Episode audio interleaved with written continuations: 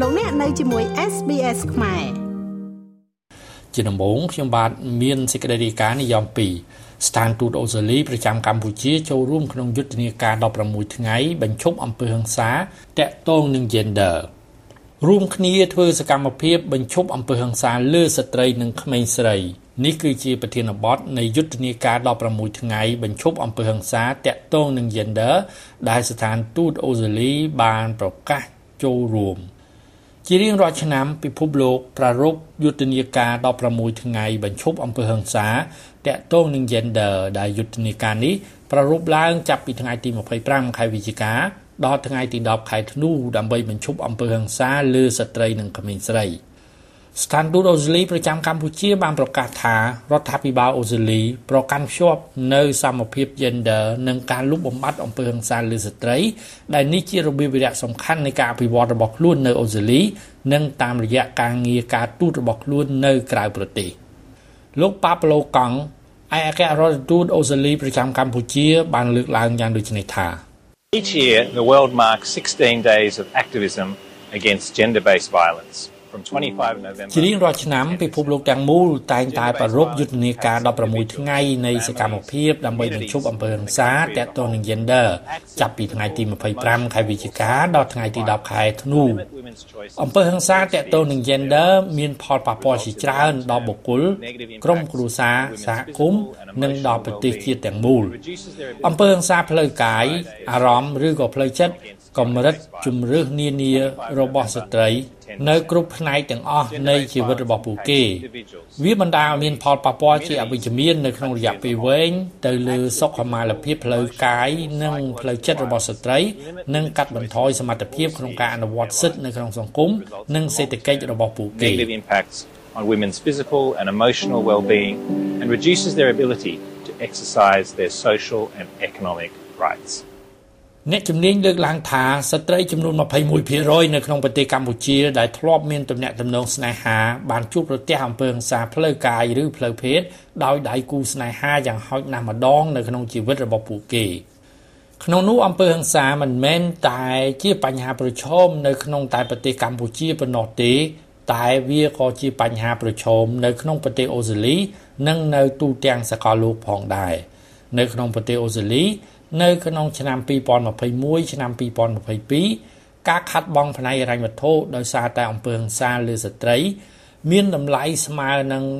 15.6000លានដុល្លារអូស្ត្រាលី នៅទូទាំងពិភពលោកការបាត់បង់លទ្ធភាពដោយសារតែអំពើហិង្សាក្នុងគ្រួសារបណ្ដាលឲ្យមានការខាតបង់ផ្នែកសេដ្ឋកិច្ចដែលមានតម្លៃចន្លោះពី1.2ទៅ2%នៃផលិតផលក្នុងស្រុកសរុប។ការទប់ស្កាត់និងឆ្លើយតបទៅនឹងអំពើហិង្សាតាក់ទងនឹង gender ទាមទារនៅវិធានការគោលនយោបាយនិងច្បាប់ជាក់លាក់ក៏ដូចជាការផ្លាស់ប្ដូរនៅតម្លៃនិងបទដ្ឋានសង្គម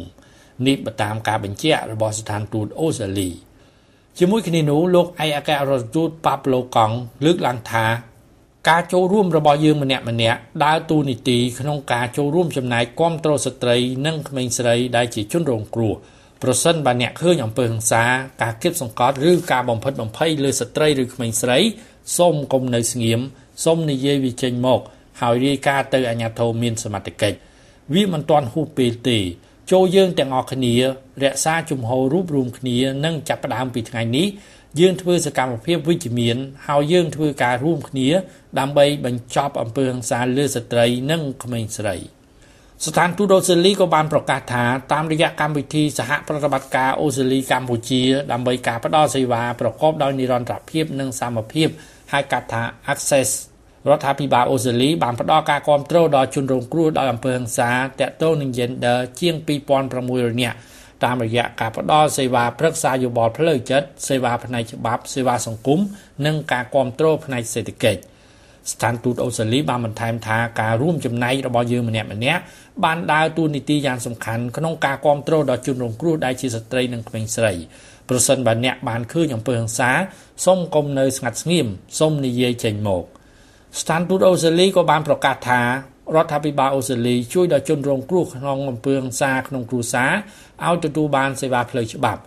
ចាប់តាំងពីឆ្នាំ2013មកអូស្ត្រាលីបានរួមចំណែកជាទឹកប្រាក់ចំនួន15លានដុល្លារសហរដ្ឋអាមេរិកដល់ការអនុវត្តនៅផែនការសកម្មភាពជាតិស្ដីពីការទប់ស្កាត់អំពើហិង្សាលើស្ត្រីនៅក្នុងប្រទេសកម្ពុជា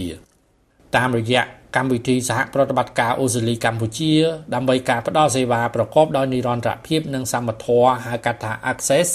អូស្ត្រាលីបានធ្វើការយ៉ាងជិតស្និទ្ធជាមួយក្រសួងកិច្ចការនារីរបស់រដ្ឋាភិបាលកម្ពុជា ដើម្បីធ្វើឲ្យកាន់តែប្រសើរឡើងនៅការគ្រប់គ្រងនិងការផ្តល់សេវាសម្រាប់ជនរងគ្រោះដោយអំពើហិង្សាតាក់ទងនឹង gender